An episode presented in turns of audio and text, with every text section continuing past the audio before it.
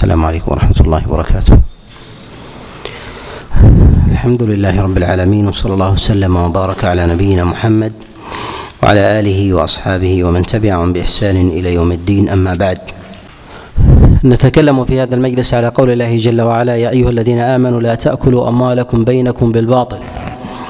تقدم معنا في سورة البقرة وفي أوائل سورة البقرة قول الله جل وعلا ولا تأكلوا أموالكم بينكم بالباطل. وتدلوا بها إلى الحكام. النهي في ذلك عن أكل أموال الناس بالباطل يعني بغير الحق. وهذا دليل على أن ما لم يكن بيعا فإنه باطل مما يكون عادة بالغصب أو السرقة أو يكون ذلك من صور الربا من الربا أو الجهالة أو نحو ذلك. ويخرج من هذا ما أجازه الشارع من الهدية والهبة والعطية وغيرها ويدخل في هذه المعاني الصداق ويدخل في هذا المعاني الصداق وها النفقة مما يكون عن تراض. وهذا قد استثناه الله سبحانه وتعالى في هذا في هذا الموضع. وهنا في قول الله سبحانه وتعالى يا أيها الذين آمنوا لا تأكلوا أموالكم بينكم بالباطل. الخطاب توجه إلى الذين آمنوا فيه دلالة على أن الأصل في أموال الكفار ودمائهم الحل إلا ما قام قائم على على خلاف ذلك. وذلك بالأموال المعصومة من أموال الكفار من المعاهدين وأهل وأهل الذمة. والله سبحانه وتعالى قد ذكر في هذه الآية نهيا عن أمرين. النهي الأول عن الأموال وأكلها بغير حق. الأمر الثاني أو النهي الثاني عن قتل الأنفس عن قتل الأنفس. وفي هذين النهيين دلالة على أن الأصل في أموال المسلمين الحرمة وكذلك في دمائهم. وعلى أن الأصل في أموال الكفار ودمائهم الحل إلا ما استثناه ما استثناه الشارع. والاستثناء في ذلك من هذين الأصلين سواء كان من أصل أموال المسلمين ودمائهم أو من أصل أموال الكفار الكفار ودمائهم. ويأتي الكلام على ويأتي الكلام على مساله مسألة الدماء. هنا لما نهى الله سبحانه وتعالى عن أكل أموال الناس بالباطل استثنى ما كان عن تجارة. استثنى ما كان عن تجارة وقيد التجاره أن تكون عن تراض. فالتجارة لا بد أن تكون عن تراض يعني لا يكون ذلك عن إكراه أو غصب أو كذلك أخذ بسيف الحياء. وأما ما يتعلق بسورة البقرة فإن الله سبحانه وتعالى نهى عن أكل أموال الناس بالباطل وذكر ذلك بوصف. وقال جل فقال جل وعلا ولا تأكلوا أموالكم بينكم بالباطل وتدلوا بها إلى الحكام لتأكلوا فريقا من أموال الناس بالباطل.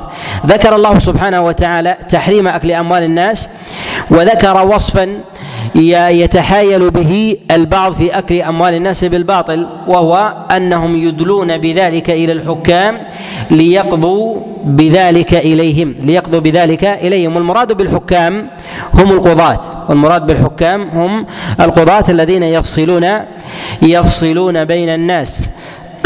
فكل من فصل بين الناس فهو فهو حاكم. يعني حاكم بينهم. والحكومة هنا في قوله وتدلوا بها إلى الحكام. هل هي مبيحة للمال الباطل إذا علم الإنسان بطلانه في الباطن؟ يعني أن القاضي قد يقضي للإنسان في ماله في مال له وهو يعلم أنه قضى له بالباطل وأن المال لفلان. وإنما قضى له لقصور البينة عند عند المدعي للمال. فهل قضاء ذلك الحاكم يحل له المال؟ أم لا؟ أولا ينبغي أن نفرق بين قضاء الحاكم وقضاء القاضي بالأموال وكذلك الفروج وهو وهي النكاح. فالعلماء عليهم رحمة الله تعالى يتفقون على أن قضاء الحاكم في الأموال لا يغير من أمر الباطن شيئا فلا يغير من الحلال ولا من الحرام. وأنه لو قضى لأحد شيئا وهو يعلم أن المال ليس له ويعلم أن المال ليس له وإنما وإنما لغيره فثمة حجة كتمها وبينة لم لم يظهرها أو كانت الحجة عند خصمه فلم يستطع إظهارها أو لوفاة شاهد أو نحو ذلك فقضى الحاكم وهو يعلم بغير الحق. فقضاؤه ذلك لا يجيز له أن يأخذ ذلك المال ولا خلاف عند العلماء في هذا. وهذا يتكلم عليه العلماء في قاعدة أن قضاء القاضي في الظاهر لا يحل لا يحل خلافه بالباطل لا يحل خلافه بالباطل. ولهذا النبي صلى الله عليه وسلم يقول كما في الخبر الصحيح قال إنما أقضي بينكم على نحو ما أسمع. إنما أقضي بينكم على نحو ما أسمع. فمن قضيت له بغير حقه فإنما فإنما هي قطعة من النار. يعني أنه إذا علم أن الحق ليس له فلا يجوز له أن يأخذه لمجرد أن القاضي قد قضى قضى له.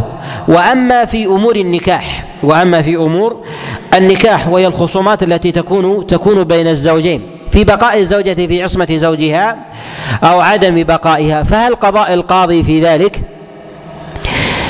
ولو خالف الباطن الحقيقة الباطنة يمضي عليهما فيما بينهما مما يعلمان. يعني أن القاضي إذا جاءه زوجان فتقاضيا عنده في أمر في أمر الطلاق في أمر طلاق وكتم صورة أو لفظة لو بيناها لوقع الطلاق لوقع الطلاق. فقضى بالبقاء فقضى بالبقاء. هل يعني ذلك جواز أن يبقى آه، الزوجان مع بعضهما أم لا؟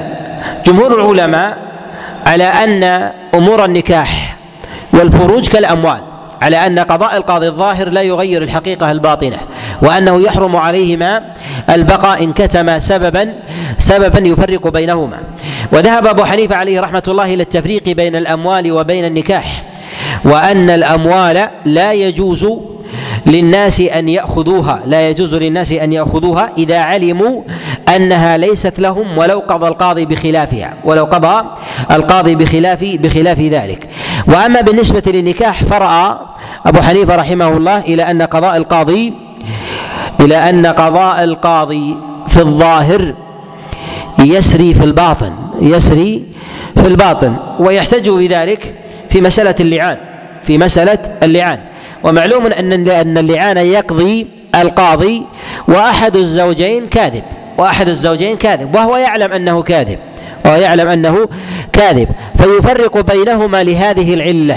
فيفرق بينهما لهذه العلة فأمضى الله عز وجل أمره. ولكن نقول إن هذا إمضاء أجازه الله سبحانه وتعالى وهو في هذه الصورة لا يسري على غيرها لأنه لو جاز للزوجين أن يأخذ بقضاء القاضي في الظاهر مع مخالفته للباطن لوقع في ذلك شر وفساد وتعطيل لأحكام الله عز وجل وحدوده وحدوده الباطنة. حدوده الباطنة فوجب علي على الزوجين سواء كان ذلك في النكاح وجب أيضا على الناس عموما في الأموال أن يأخذوا بالحقائق الباطنة إذا لم يعلمها إذا لم يعلمها القاضي إذا لم يعلمها القاضي ولو قضى بخلاف بخلاف ذلك.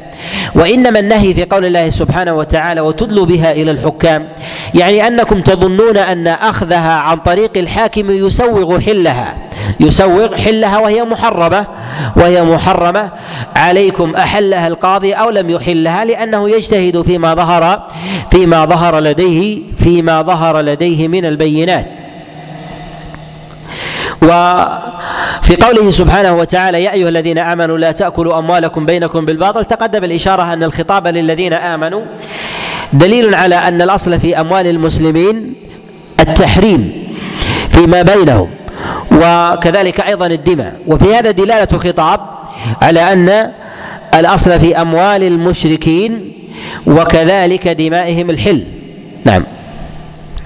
على أن الأصل في أموال الناس ودمائهم ودمائهم الحل لأن الخطاب هنا قيد قيد بالذين بالذين آمنوا. وقوله جل وعلا لا تأكلوا أموالكم بينكم بالباطل. هنا أضاف الأموال إلى أهل الإيمان. لا تأكلوا أموالكم. قال ولا تقتلوا أنفسكم. إشارة إلى أن الذي يعتدي على مال غيره كالذي يعتدي على مال نفسه. وأنه يجب على النفوس أن تبتعد عن الشح والطمع وأن تنظر إلى مال غيرها كما تنظر إلى مالها وأن تنظر إلى دم غيرها كما تنظر إلى إلى دمها بل تنظر إلى عرض غيرها كما تنظر إلى إلى عرضها كما في قول الله جل وعلا ولا تلمزوا أنفسكم. يعني أن الإنسان إذا لمز غيره ووقع في عرض غيره فكأنما فكأنما استباح عرض نفسه فكأنما استباح عرض نفسه وذلك أن حرمة الدماء والأموال والأعراض في الذين آمنوا متساوية. لا فرق لا فرق بينهم سواء كان ذلك كبيرا أو صغيرا أو كان شريفا أو كان وضيعا أو كان أو كان سيدا مطاعا أو كان عبدا مأمورا فإن الحرمة في ذلك الحرمة في ذلك واحدة. قال لا تأكلوا أموالكم بينكم بالباطل. قيد هنا الأكل بالباطل يعني بالإثم والعدوان. يعني بالإثم والعدوان. وذكره هنا لا تأكلوا. استعمال لفظ الأكل شامل لكل متلف ومستهلك. ولا يعني من ذلك هو الأكل يعني المضغ مما يأكله الإنسان في جوفه فإن أخذ الأموال من الدنانير والدراهم وكذلك استهلاك الثياب وغير ذلك فإنه يقال أكلها فلان أكل فل أكل فلان مال فلان ولو كان عقارا أو كان أو كان ثيابا أو كانت دنانيرا من الذهب من الذهب والفضة. وإنما أشير إلى الأكل لأنه أعظم وأدوم وجوه الاستمتاع. أعظم وأدوم وجوه وجوه الاستمتاع. وما عداها فهو استمتاع عارض. فإنه لا حياة للإنسان إلا بالأكل. لا حياة للإنسان إلا بالأكل. وأما ما عداها من المطامع والشهوات فإنها عارضة. يدركها الإنسان حينا ولا يدركها في حين آخر وذلك كشهوة الفرج وشهوة الملبس ونحو ونحو ذلك. وأما بالنسبة للمأكل فإنها باقية مع الإنسان سواء كان صغيرا أو كبيرا سواء كان عاقلا أو مجنونا يستلذ الطعام يستلذ الطعام ويستلذ الشراب ولا بقاء له إلا بذلك. فاستعمل لفظ الأكل على كل ما ما يستهلك لأنه في في حاله يستحيل يستحيل إلى مطعوم يستحيل إلى مطعوم في في غالبه. وإنما إنما استعمل هذا اللفظ للتغريب ويدخل في ذلك ما عداه وذلك من المركوبات وكذلك أيضا من العقار والبيوت والدور والبساتين والمزارع. وإن استظل بها ولم تؤكل وغير ذلك فهي داخلة في هذا في هذا المعنى. قال إلا أن تكون تجارة عن تراض منكم. في هذه الآية جملة من المعاني منها أن الأصل في التجارة الحل. أن الأصل في التجارة الحل. فالمعاملات التجارية بين الناس الأصل فيها الحل لأن الله سبحانه وتعالى استثناها استثناها من الأكل المحرم. وأطلق الاستثناء في ذلك ولم يقيده إلا بالتراضي إلا إلا بالتراضي. فدل على أن كل معاملة تجارية تكون بين اثنين أو بين جماعة فإن الأصل في ذلك الحل وأن التحريم في ذلك عارض. وهذا من مواضع الكلام عند الفقهاء في الأصل في العقود. هل الأصل فيها الحل والأصل فيها فيها التحريم؟ والمشهور في مذهب الإمام أحمد رحمه الله أن الأصل في العقود أن الأصل في العقود الحل. وهذا الذي يعضد يعضده ظواهر الأدلة من الكتاب ومن السنة. قال إلا أن تكون تجارة عن تراض منكم. هنا ذكر التراضي. وما ذكر ما عداه من الأمور المحرمة التي ربما تتلبس بأمر بالتجارة وذلك كالربا والجهالة والغرر وغير ذلك. فنقول إن الاستثناء في هذا في قوله إلا أن تكون تجارة عن تراض منكم إنما استثناء هو للأكل بالإكراه. قال ولا تأكلوا أموالكم بينكم بالباطل وأما ما يتعلق بالتجارة التي تكون بين بين المتبايعين بالأمر المحرم بالأمر المحرم فهي ليست داخلة ليست داخلة في أصل في أصل النهي أصلا ليست داخلة في أصل النهي أصلا حتى تستثنى لأن أصل النهي هنا هو أكل أموال الناس بالباطل بالإكراه والغصب. والسلب وغير ذلك قال إلا أن تكون تجارة عن تراض عن تراض من عن تراض منكم. وأما ما يتعلق بالعقود المحرمة فهي مبينة في غير هذا الموضع. وتقدم معنا في سورة البقرة الكلام على على مسائل الربا وتقدم معنا أيضا الإشارة على أحكام القمار على أحكام القمار والميسر. وهي أبواب الجهالة وكذلك وتقدم الإشارة أيضا إلى صورها وأن الله سبحانه وتعالى إنما حرم من المعاملات صنفين. حرم الله عز وجل من المعاملات صنفين. الصنف الأول الربا الثاني الجهالة وهو القمار والميسر ويدخل فيه كل بيع دخلته جهالة وغرر دخلته جهالة وغرر. وما عدا هذين فإنه جائز. وما عداهما هو الذي طرأ عليه الاستثناء هنا في قوله جل وعلا إلا أن تكون تجارة عن تراض منكم. عن تراض منكم يعني ما كان بتجارة ولو كانت صحيحة ولكنها بإكراه فإنها محرمة. فإنها فإنها محرمة لأنه أكل لأموال الناس أكل لأموال الناس بالباطل.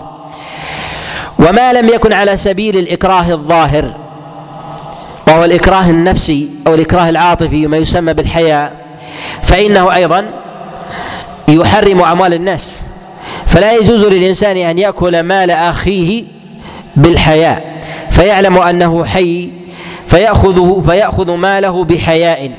إما هبة وهدية وعطية وإما أن يأخذه ببيع بثمن بخس أو أن يأخذه ببيع ولو كان بثمنه. وهو لا يرغب بيعه ما باعه إلا حياء منه. والعلماء عليهم رحمة الله يتفقون على أن ما أخذ بسيف الحياء فهو فهو حرام. قد حكى الإجماع على ذلك غير واحد من العلماء كابن رجب وغيره. والحياء إذا ظهر من الإنسان وغلب به فإنه يبطل البيع إذا قام الدليل عليه إذا قام الدليل عليه. ولو كانت صورة البيع الظاهرة صحيحة فلم يكن ثمة غبن ولا غش وظهر في ذلك التعاقد الظاهر فإنه حينئذ فإن ظهور ذلك موجب لإمضاء البيع. فإذا ظهرت علة الحياء فيه لجملة من القرائن فإنه يجوز حينئذ يجوز حينئذ للحاكم أن يفسخ البيع. يجوز له أن يفسخ البيع. وذلك كأن يستدر الإنسان عاطفة أحد أو حياءه أمام الناس ليبيعه داره أو مركبته أو بستانه أو أن يبيعه ثيابه أو أن يعطيه مالا فأعطاه حياء من الناس. ولو كان وحده ما أعطاه ذلك المال فيقال إن هذا إن هذا محرم. وقد أخذ بنوع من الإكراه باطل. وقد أخذ بنوع من الإكراه من الإكراه باطن. ونستطيع أن نقول إن الإكراه على نوعين إكراه ظاهر وإكراه باطن. والأصوليون يشتهر عندهم التقسيم الإكراه على نوعين إكراه ملجئ وإكراه غير غير ملجئ. وهنا إذا قسمناه على مسألة الحياة وغيره والأمور الباطنة فنقول إنه إكراه باطن وإكراه وإكراه ظاهر والإكراه الباطن ما يؤخذ به بالحياة ما يؤخذ بالحياة والمغالبة في ذلك فإنه يبطل يبطل العقد. وقوله جل وعلا إلا أن تكون تجارة عن تراض عن تراض منكم. يؤخذ من قوله عن تراض منكم وجوب إظهار الرضا حتى حتى يخرج حتى تخرج المعاملة المحرمة من الإكراهين الظاهر والباطن.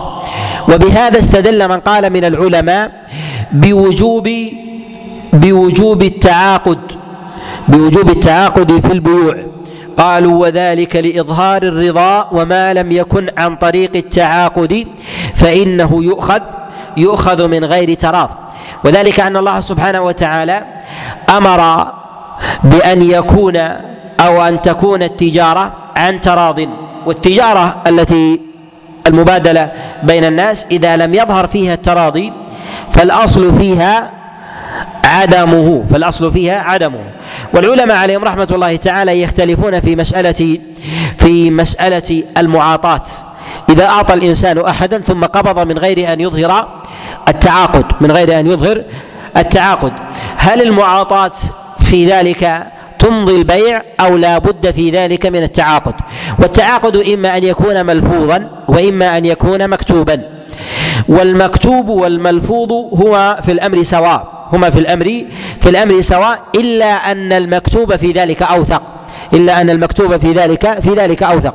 فإذا تبايع رجلان في دار أو مركوب من دابة وغيرها أو تبايع بشراء ثمر أو نحو ذلك من غير كتابة فهذا فهذا يسميه العلماء تعاقد. كأن يقول الإنسان بعني دارك أو بستانك أو دابتك أو ثمارك بكذا فقال قبلت فهذا هو التعاقد. فهذا هو أظهر وجوه التراضي. وهل المعاطاة تكفي عن تكفي عن التراضي؟ أم لا؟ ولو كان ثمة معاطاة من غير تعاقد ثم ادعى أحد المتبايعين أنه أخذ عن تراضي. أولا العلماء عليهم رحمة الله تعالى يفرقون بين ما له قيمة وثمن وبين وبين ما لا قيمة له وثمن. وذلك من الأشياء اليسيرة مما يتداولها الناس وذلك من المأكول اليسير والمطعوم اليسير وكذلك من المتاع اليسير الذي يؤخذ عادة ولا يكون فيه تعاقد.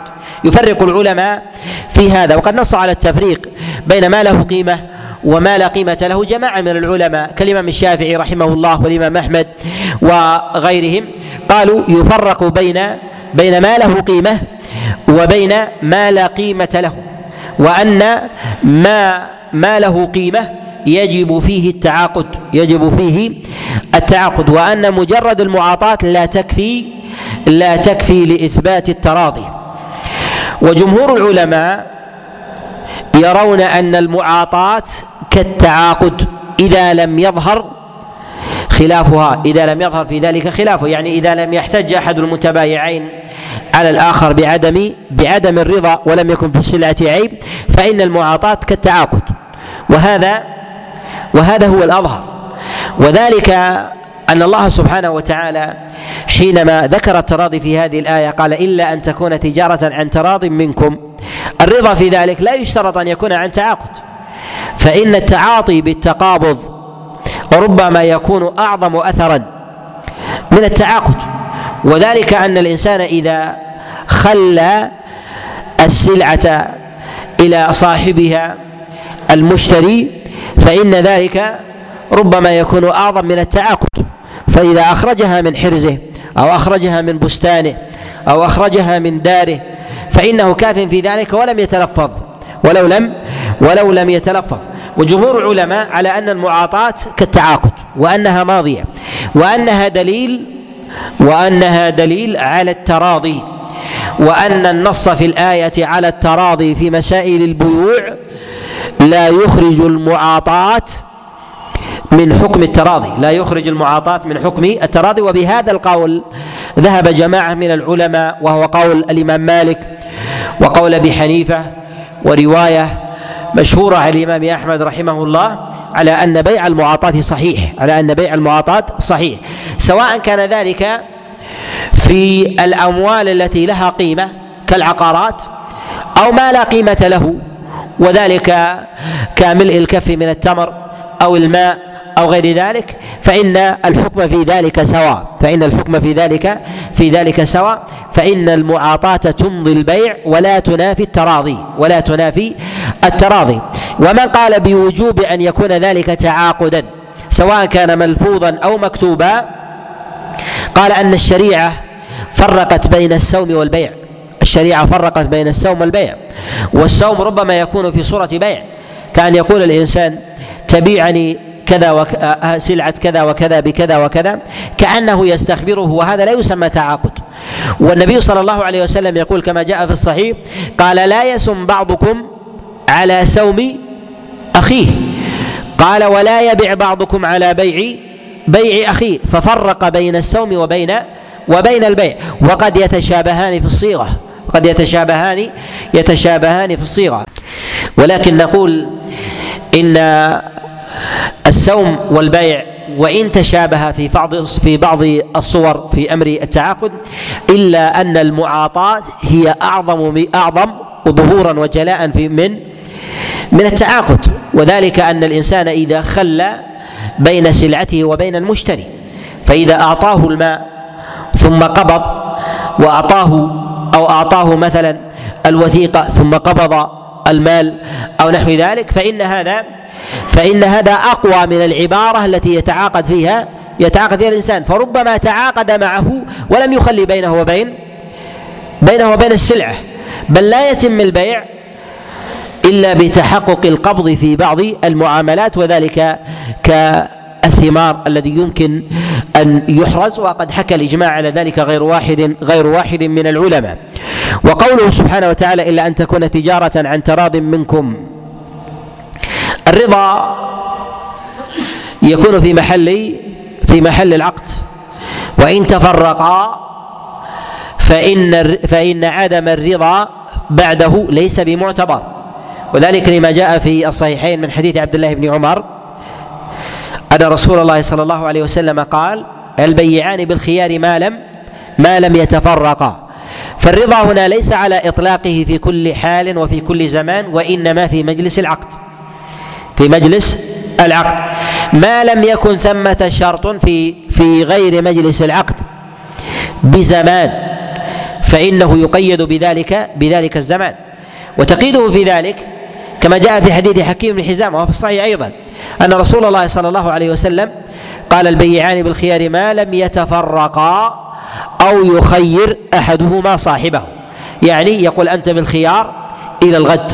خذ هذه السلعة وأنت بالخيار إلى إلى شهر أو أنت بالخيار إلى إلى شهرين. فإذا تراضيا بالمدة فطرى عدم التراضي بعد ذلك المجلس فإن عدم التراضي في ذلك معتبر وحكمه حكم عدم التراضي في المجلس الأول في المجلس الأول. وإن تفرقا بعد تراض من غير شرط مضى البيع مضى البيع. وذلك أنه لا بد من إمضائه. والحد في ذلك في المفارقة بالأبدان أو المفارق أو المفارقة بالكلام. هذا من مواضع الخلاف عند العلماء. هل المفارقة في ذلك لابد أن تكون بدنية؟ أو أن أو أن يفترقا في الحديث كأن يتحدث في في شراء بستان أو دابة ثم انتهيا من الحديث بعد البيع. عن أمر البستان وتحدثا في شأن آخر. فهل يعد ذلك افتراقا؟ أم لا؟ هذا من مواضع الخلاف عند عند العلماء. وأما افتراق البدن فالعلماء عليهم رحمة الله تعالى يتفقون على أنهما إن افترقا في بدنيهما من موضع العقد فإن هذا الافتراق معتبر عند من قال به عند من قال بالخيار. وأما الحديث في ذلك فهو موضع خلاف فهو موضع موضع خلاف. ولكن نقول إن الافتراق في الحديث إن صاحبه بعد وقت وعهد في الكلام يدرك فيه الإنسان معه الرجوع لو أراد أن يتأمل فإنه ماض. وأما الحديث العابر في ذلك وفصل الكلام بعبارة أو خبر أو استفهام أو سؤال عن حال أو نحو ذلك فإنه لا لا يكون لا يكون فرقانا بين المتبايعين وذلك أنه أن ضبط ذلك مما مما يشق. وكذلك أيضا تقييد المفارقة بالأبدان فقط هذا شاق أيضا. فمن الناس من لا من لا يفارق صاحبه كالحبيس. كان يكون الإنسان سجينا أو من يسكن معه في دار في دار واحدة أو نحو ذلك فإذا تبايع فهل يقال بأنه لا؟ أنه في الشرط ما بقي في السجن سنة أو عشر سنوات فيبقى فيبقى بالخيار. نقول لا إذا انتهى الموضوع وتوى وطال الفصل وتحدث بأمر آخر فحينئذ يقال إنهما قد تفرقا. وأما مساله البدن فبمجرد تفرق البدن ولو كان سريعا فإنه كاف في إتمام التراضي وإتمام وإتمام الصفقة. قال إلا أن تكون تجارة عن تراض منكم ولا تقتلوا أنفسكم ولا تقتلوا أنفسكم. حينما ذكر الله سبحانه وتعالى القتل بعدما ذكر الأموال إشارة إلى أنه من أعظم ما يفسد ذات البين ومن أسباب القتل هو الخلاف في الأموال. هو الخلاف في الأموال. فإذا تنافس الناس في الأموال اقتتلوا عليها اقتتلوا عليها طمعا وجشعا وشحا أيضا وحبا للأثرة. فذكر الله سبحانه وتعالى أمر الأموال والسبيل الموصلة إلى أخذها عن تراضي. ثم ذكر الله سبحانه وتعالى النهي عن القتل. النهي عن القتل. وهل النهي في ذلك عام أن الإنسان لا يجوز له أن يعتدي على غيره إذا أخذ ماله نقول نقول إن أخذ المال لا يخلو من حالين. الحالة الأولى ما يؤخذ من المال ما يؤخذ من المال صولا وغصبا فهذا يدفع الإنسان عنه. وإن مات دونه فهو شهيد. وقد جاء ذلك عن النبي صلى الله عليه وسلم في أحاديث كما جاء في حديث عبد الله بن عمرو النبي عليه الصلاة والسلام قال من قتل دون ماله فهو شهيد. وجاء ذلك أيضا من حديث سعيد بن زيد في المسند والسنن. وجاء ذلك أيضا في حديث قابوس بن أبي المخارق لما قال لرسول الله صلى الله عليه وسلم قال الرجل يأتيني يريد مالي. قال لا تعطيه مالك. قال فإن غلبني قال فاستنصر بالسلطان. قال فإن السلطان عني. قال بمن حولك من المسلمين؟ قال فإن لم يكن حولي أحد من المسلمين. قال قاتل دون دون مالك حتى تدفع عن, مالك أو تكون من شهداء من شهداء الآخرة يعني أن الإنسان يدفع عن ماله ولو كان ولو كان قليلا. فهل يعني هذا أن المال وعصمة المال مقدمة على النفس أم لا؟ نقول إن النفس في ذاتها هي أزكى أزكى من المال أزكى من المال. وإنما جاءت الشريعة بدفع الصائل عقوبة له لتحفظ المال وتحفظ الأنفس لتحفظ المال وتحفظ الأنفس. ولو كان من سطي أو صيل على ماله وجب عليه أن يعطي ماله لكان في ذلك فساد عريض لكان في ذلك فساد فساد عريض. وهذا من ضبط الحكم العام لا من ضبط الأمر الخاص. والشريعة تفرق ما كان ضبطا عاما وبين ما كان ضبطا خاصا. فتغلب الضبط العام ولو طرأت مفسدة عارضة. وقد يقول قائل فكيف أقتل على دينار أو درهم أو غير ذلك؟ والشريعة تجيز للإنسان أن يدفع أن يدفع عن ماله. فنقول إن الشريعة أجازت الدفع ولم توجبه. أجازت الدفع ولم ولم توجبه. وإجازة الدفع في ذلك حق للإنسان. ولو أراد أن يدفع المال لجاز له ذلك ولم يكن ولم يكن آثما. والشرائع في مسائل الضبط لا يؤخذ منها اختلال الأصول. فإن العرض مقدم على على النفس ومقدم على على المال. ولكنه إذا تعلق بضبط أمر عام قدم النفس على على العرض قدم النفس على العرض. وقدم المال على الدم وقدم المال على الدم. فكيف يقدم المال هنا؟ فيجوز لي أن أقتل مسلما أراد مني دينارا ودرهما. أجاز لك الشارع إذا صال عليك ولم تستطع دفع صولته إلا بقتله. يجوز شرعا أو لا يجوز؟ يجوز شرعا. فكيف يجيز لك الشارع أن تقتله لدينار أو درهم؟ هل هو للحق الخاص أم لضبط الأمر العام؟ لضبط الأمر العام. لضبط الأمر الأمر العام. وأما إذا لم يكن في الأرض إلا درهمك ودينارك وسطى عليه أحد فإن الشريعة لا تجيز لك قتله. نظير هذا حتى تتضح الصورة. الرجل إذا وجد مع امرأته رجلا ثم قتله. يقاد به أو لا يقاد؟ نعم. يقاد به. يقاد به. لماذا يقاد به؟ للأمر الخاص أو للأمر العام؟ نعم. للأمر العام. للأمر العام لا للأمر الخاص. وقد يقول قائل كيف يكون العرض بهذا الرخص ثم أقتل وأدافع عن عرضي؟ هذا ليس اختلالا بالأصل وإنما ضبطا للأمر العام. وكيف يضبط الأمر العام؟ لو أجاز الشارع لكل صاحب دعوى أن يدعي أنه وجد رجلا في بيته مع امرأته أن يقتله لكثر القتل في الناس. ومن كان بينه وبين أحد خصومة أخذه ووضعه في غرفة نومه ثم قتله وقال وجدته عند امرأتي وأصبحت هذا تصفية للحقوق وتصبح الدماء هدر. كم سيفتح هذا الباب من؟ ألا يفتح, ألا يفتح بابا عظيما من المفاسد؟ يفتح بابا عظيما. ولكن في الشريعة يقتل واحد ولو دافع عن عرضه. إذا لم يكن ثمة بينة لأنه لا لا يوجد عنده بينة من أربعة شهود. لا يوجد عنده بينة من أربعة أربعة شهود. ولو ادعى ولو وجد في داره عند زوجه فقتله.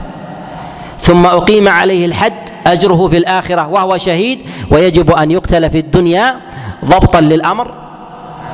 ضبطا للأمر العام ضبطا للأمر للأمر العام. حتى لا يكون ذلك بابا للصوص والمنتقمين والمتربصين. فكل من كانت بينه وبين أحد عداوة أخذه ووضعه في البيت ثم قتله. قال وجدته في بيتي يراود أهلي. إذا قلنا بسقوطه ألا يسقط ألا يسقط دمه ويصبح حدرا؟ يصبح حدرا. فأرادت الشريعة أن تضبط الأمر العام بالأمر الخاص. ولا يعني هذا استصغارا ونزولا للعرض في مقابل النفس فإنه يجب على الإنسان أن يدافع عن عن عرضه أن يدافع عن عن عرضه. ومثل هذا الرجل الذي يراود عن ماله. أراد أحد من الناس منك مالا ثم امتنعت ولم تستطع دفعه إلا إلا بقتله. وقامت البينة على قتلك له. ولم تقم البينة على أنه أراد مالك.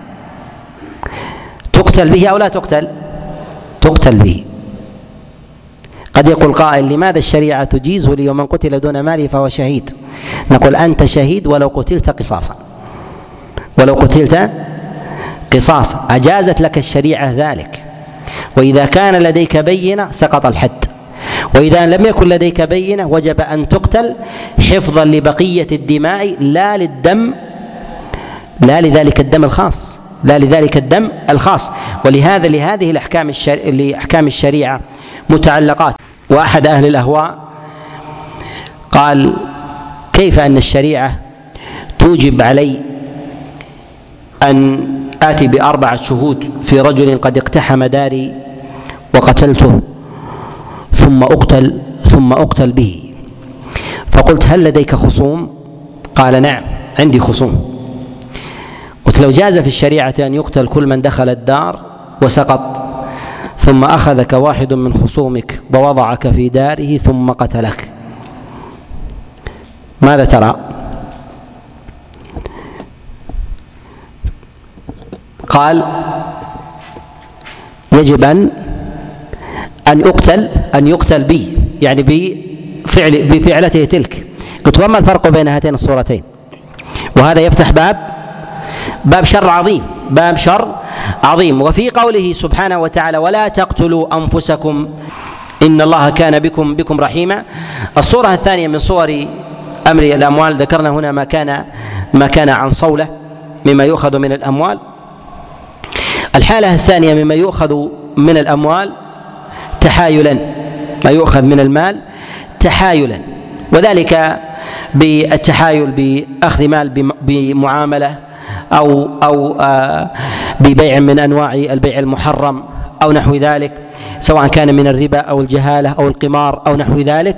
فإنه هل يجوز للإنسان أن يسترد ماله إذا أخذ تحايلا ما أخذ صولة نقول لا يجوز له ذلك لا يجوز له ذلك لأن الشريعة أجازت أخذ الدفع الدفع عن المال إذا إذا صال عليه صائل يعني أراد أن يأخذه بالقوة. لا تحايلا عليك وظهر منك الرضا لأن هذا يفتح باب فساد عريض. فيقول تحايل علي فلان في السلعة الفلانية فأراد أن يبيعني شيئا بقيمة كذا ثم خدعني وباع وباعني شيئا آخر. أو أراد أن يبيعني أرضا فيها غراس ونخيل وثمار ثم باعني أرضا ليس فيها شيء ونحو ذلك. فهذا من التحايل الذي يؤكل به أموال الناس بالباطل. لا يجوز للإنسان أن يقتل من فعل بي أو أخذ ماله بمثل هذا لأن الأخذ صولة يختلف عن الأخذ عن الأخذ حيلة عن الأخذ حيلة ومكر لأنه يظهر في ذلك التراضي ولو كان مكرا وفي مثل ذلك يلجأ في ذلك إلى إلى الحكام والقضاة. وقوله جل وعلا ولا تقتلوا أنفسكم إنه كان بكم إن الله كان بكم رحيما. واشاره هنا إلى أن نفوس المسلمين واحدة فلا يجوز للإنسان فلا يجوز للإنسان أن يعتدي على غيره استهانة بدمه وذلك أن دمه كدم كدم ذلك المعتدي. قال إن الله كان بكم إن الله كان بكم رحيما. يعني أن الله سبحانه وتعالى ما شرع هذه الشرائع وحد هذه الحدود إلا رحمة وإشفاقا بالأمة إلا رحمة وإشفاقا وإشفاقا بالأمة. فيحرم على فيحرم على الإنسان أن يعتدي انتقاما آه انتقاما أو انتصارا لنفسه مخالفا في أمر مخالفا في ذلك أمر الله أمر الله سبحانه وتعالى.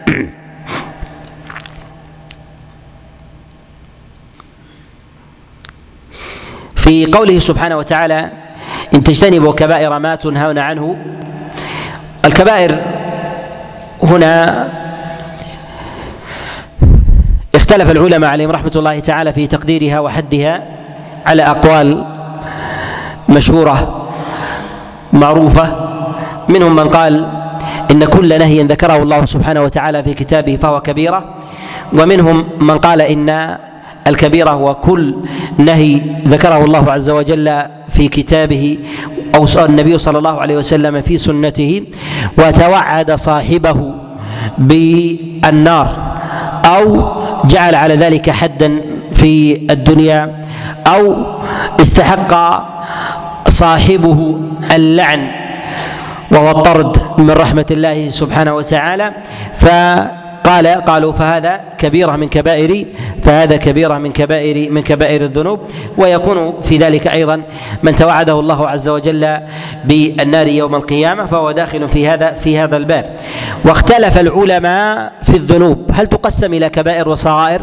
فعامة العلماء على تقسيمها وهو ظاهر عمل الصحابة عليهم رضوان الله. ويروى عن عبد الله بن عباس إلى أن الذنوب واحدة وإنما ينظر إلى عظم من يعصيه الإنسان ولا ينظر إلى إلى ذات الذنب وإلى هذا ذهب المتكلمون.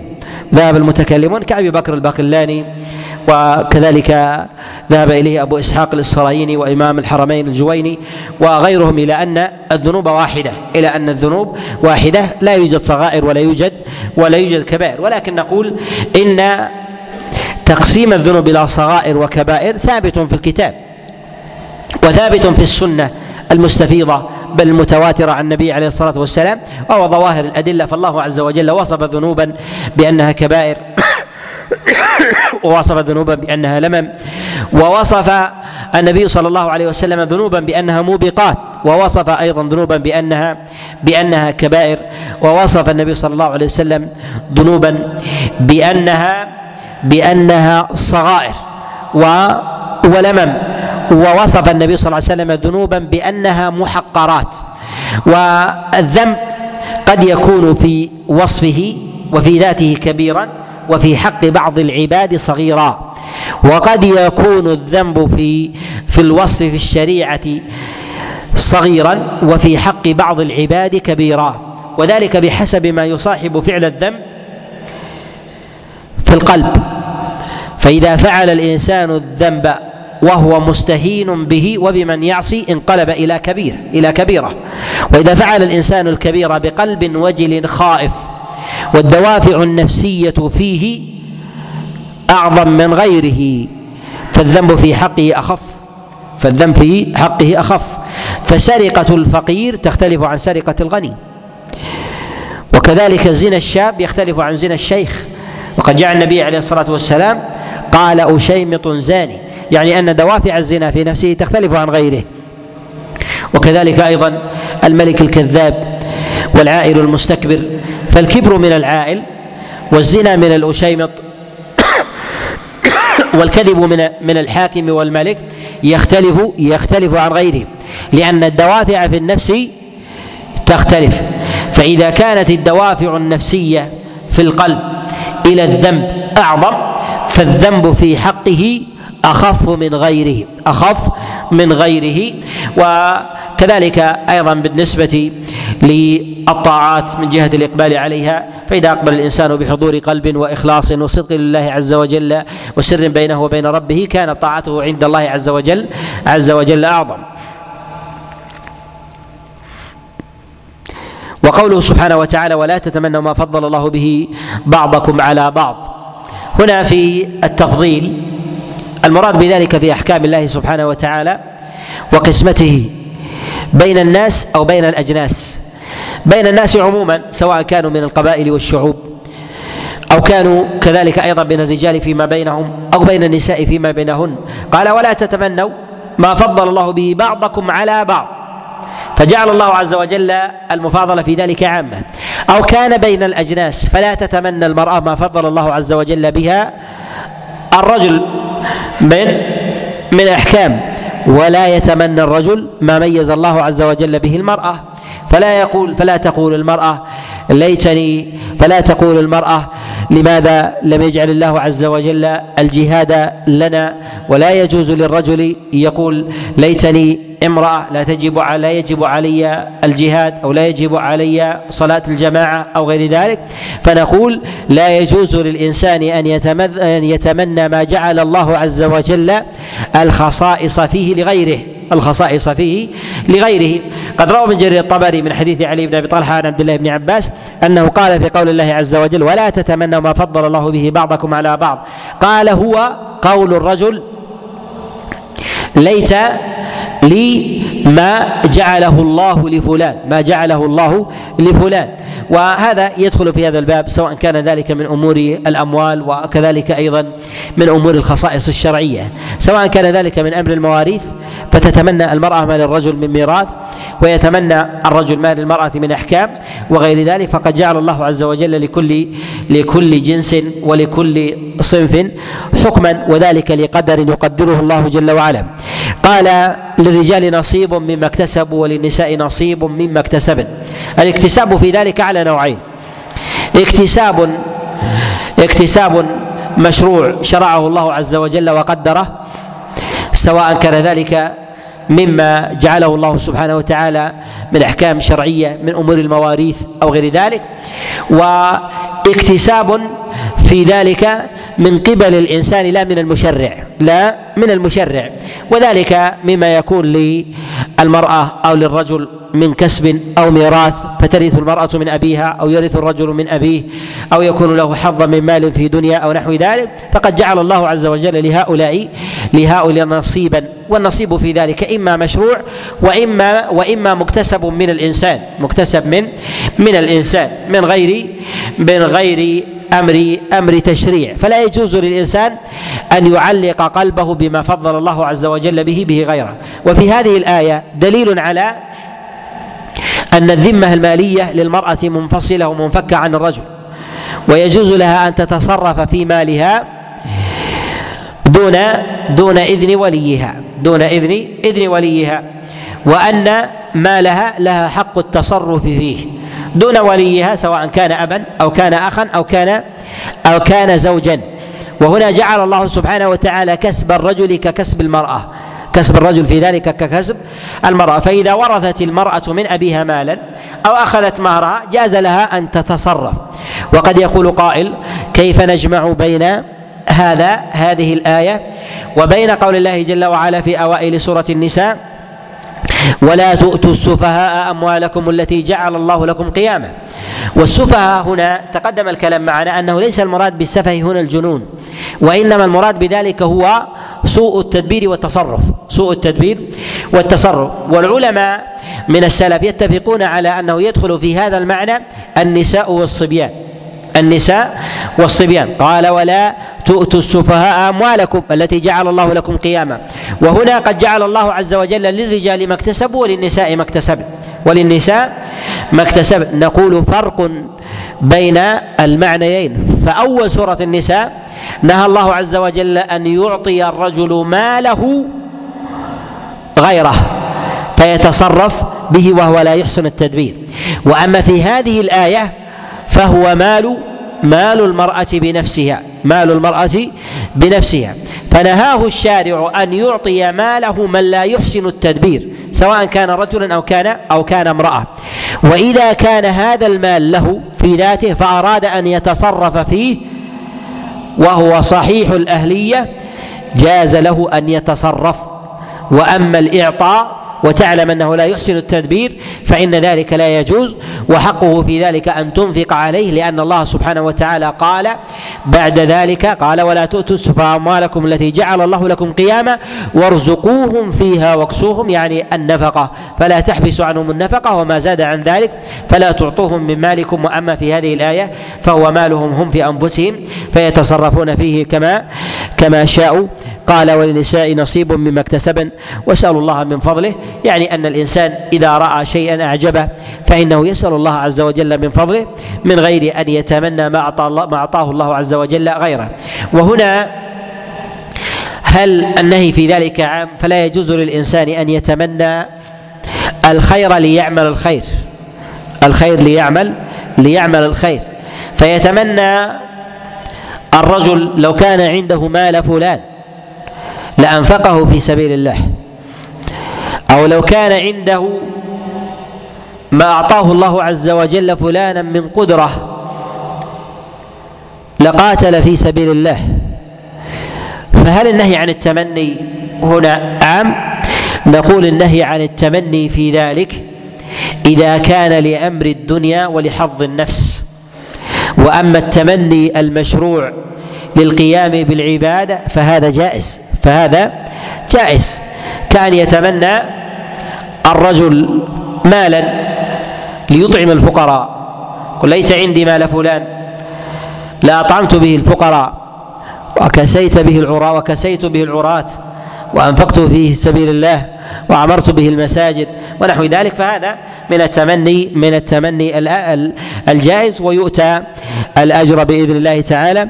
يقول الله جل وعلا واسألوا الله من فضله إن الله كان بكل شيء بكل شيء عليما. يعني أن الله ما قدر هذه المقادير وقسم هذه الأنصبة وجعل لكل أحد حظه وفضله إلا عن علم بما بحاله وعلم بما يؤول إليه. فالله عز وجل يقدر هذه الأشياء ويعلم ما يصلح العباد وما يفسده وأين يؤول ذلك المال وكيف يدور فيبقى بيد أحد ثم يديره الله عز وجل إلى يد غيره فيحرم من يشاء ويعطي من يشاء بحكمة وقدر جل الله جل وعلا في أسمائه وصفاته. أسأل الله سبحانه وتعالى لي ولكم التوفيق والسداد والاعانه والاعانه والهداية والرشاد. إنه ولي ذلك والقادر عليه. وصلى الله وسلم وبارك على نبينا محمد.